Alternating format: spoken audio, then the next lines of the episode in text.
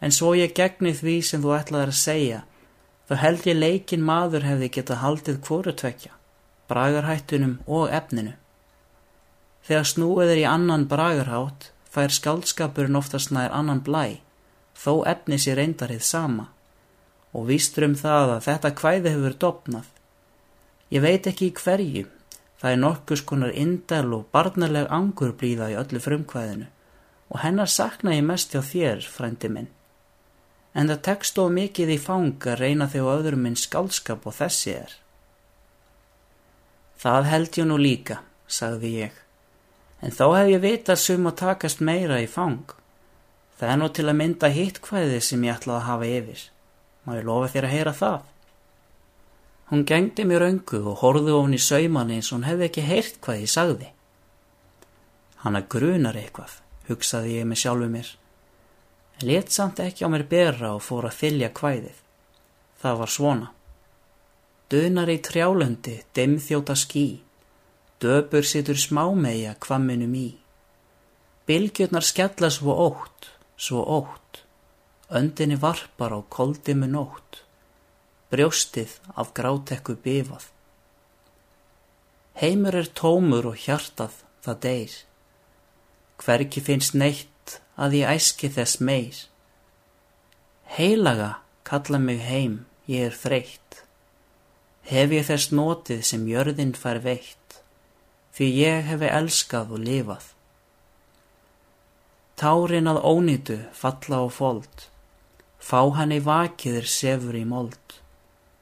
Segðu hvað hjartanu huggunar ljær, horfinar ástar er söknuður slær, á himnum þess heggi að leita. Tárin að ónýtu falli á fold, fái hann í vakiðir sefur í mold. Mjúkasta hjartanu huggun það ljær, horfinar ástar er söknuður slær, hennar að minnast og harma. Sýsti mín satt kafróð og keftist við að sauma. Þessu er held ég betur snúið, sagði ég þá og þú hefur náð bragarhættunum dá vel. Það hef ég séð þó ég skilji ekki sjálf hvæðið. Þótt gott að geta skilið þjóðverskuna og það verður vel gert á þér að kenna mér dáliti líka. Mér er kvöli að skilja ekkert af því sem þeir hafa gert, hann Schiller og aðrir á þjóðveri landi. Hvar hefur þú náð þessum vísum, saði sýsti mín og sá ég að hún var bæði sneft og reið. Ég hef alltaf haldið mér væri óhætt að trúa þér og þú myndir ekki taka neitt í leifisleysi. Mér var byllt við þetta. Það hef ég ekki heldur gert, sagði ég og var stuttur í svari. Þú gafst mér um daginn okkra sveskjur eins og þú líklega mannst og váðir hvæðinu utanum þær. Það var að sönnu uppkast en ég held mér verið leifilegt að lesa það fyrst þú leindi því ekki meirinn svona. Ég hef aldrei haft það yfir fyrir núna og því síður hef ég sagt frá að þú hefur snúið því. Blessaður ég ætla að byggja því að gera það ekki heldur. Mér er ekki mikið um það breyðist út að ég sé að fást við þess áttar. Það hefur aldrei þótt mikil príði á hvernfólki. Vertu öldungis óhrætt, sagði ég svo blíðilega sem ég gat. En takist þér ekki verð í annað sinn held ég að þú ættir að bera þú oftar við. Ég skal hjartans fegin eigna mér allt sem þú gerir, en það er samt reyndar skömm þessu ráði verið að sleppa. Þér er það held ég óhætt, sagði sýsti mín og var nú orðin eins hýr og áður. Ég yrki varla svo mikið að okkur verið vandra á skálskapnu mínum. En þú hafðir eitthvað eftir sjálfan þig. Það held ég að verið gaman að heyra. Já, það er sagt, sagði ég. Það voru tvö smákvæði. Annaði síðan ég hitti fyrra og það er um þig. En hitt gerði ég um lógu, í gæri eða fyrradag. Það er að nógu fallegu kvæði, sérilagi endin á þínu. Ég held ég muni úr þér bullið, sagði sýstu mín. Lóð mér samt að heyra það setna. Mér langar til að heyra hitt fyrst, sagði ég. Það er best að ég fara með þau bæði. Hildur gæti ekki gert að sér að hlæja en ég gaf mig ekki að því og fór að fylja kvæði það í hitti fyrra. Sáu þið hana sýstur mína, setja lömp og spinna öll. Fyrrum átti ég falleg gull, nú er ég búin að brjóta og týna. Einat hefur hún sagt mér sögu, svo er hún ekki heldur nýsk. Hún hefur gefið mér hörpu disk fyrir að yrkja um sig bögu. Hún er glöð á góðum degi, glóbjart liðast hárum kinn og hleypur þegar repstjórinn finnur hann á förnum vegi.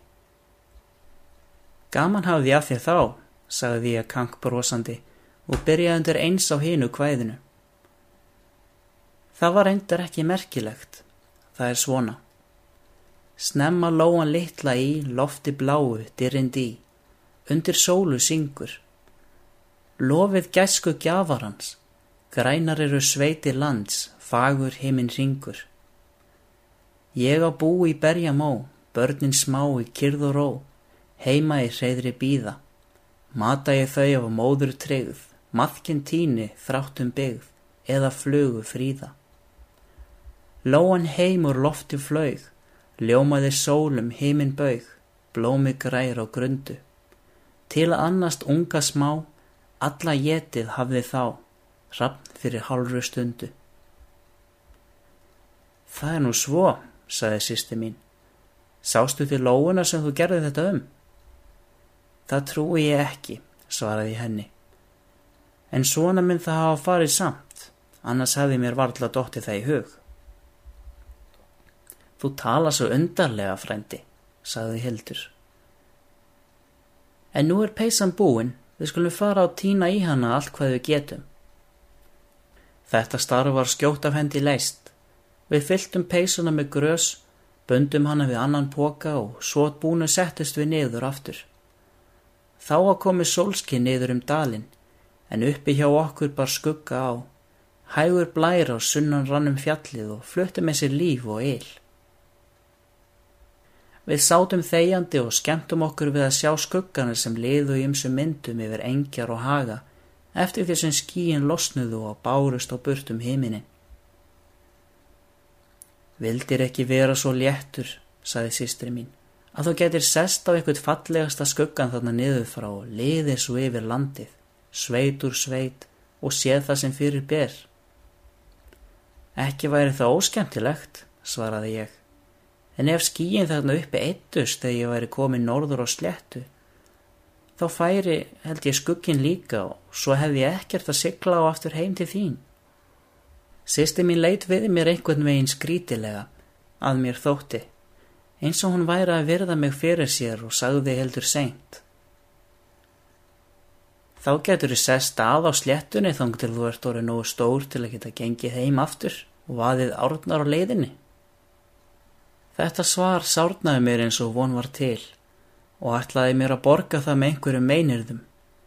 En í sama byli heyrðu við voðalegan ding rétt fyrir ofan okkur og síðan hvern af öðrum svo fjallið skalv og titraði. Guð varðveiti mig, saði sýstir mín. Varaði þið blessaður, það er grjótrun. Ég rauk á fætur og ætlaði held ég að flýja en þegar mér var litið upp flegði ég mér í fangið á henni og sagði með öndina í hálsinum Ég hrættur við steinin, sýstur góð. Í þessu vettfangi flög stórefli spjareg fram hjá okkur. Það hófst í háa loft og hjó upp torfur úr rindanum þar sem við stóðum og fyrir en augað eigði var það horfið fram á skeiðinni. En dingirnir august nú um allan helming og gráblá reykur og eldlikt gusu upp. Tarna eru óttalegar skröningar, sagðir sýsti mín og hjælt fast utanum mig, en þó ég raunar væri rættur, sá ég samt að steinin var flógin framhjá og fór mér þá að sínast ráðlegast að bera mig kartmannlega. Heyrist þér það, sagði ég, en þér er samt óhætt að sleppa, því þær eru allar í skeiðinu fyrir neðan okkur. Þú að spísna hrætt. Í því ég sagði þetta, sneri ég mér undan um leið til að þurka mér svetan og lofa Guði í hálfum hljóðum því sá glögt að við höfðum verið í lífsættu. Þartnestur komin, saði sýsti mín og vissi ekki hvort hún átt að fyrtast eða hlæja. hleypur fyrst í fangið á mér af hræðslu og segir svo ég skulle vera óhrætt og mér sé óhætt að sleppa því að hættan er um liðin. Ég leti eins og ég heyrði ekki þetta, en bar með að snúa talinu við. Veistu þá af hverju grjótrunnið kemur? Sagði ég og var bísna spekingslegur. Það eru sömur steinar sem setja framann í brekkunni og tolli ekki áninum að leir og sandi sem runnið hefur í kringum þá. Nú þegar regni kemur, skólast allur leirinn í burtu og þá losnar steinnin og fyrir á stað eins og þér gefur að skilja. Allt jænt eftir nógu skýr, saði sýstir mín.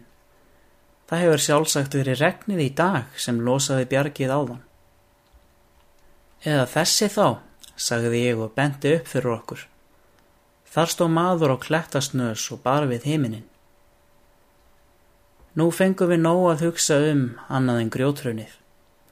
Við gáttum ekki giskað á hvaða maður þetta geti verið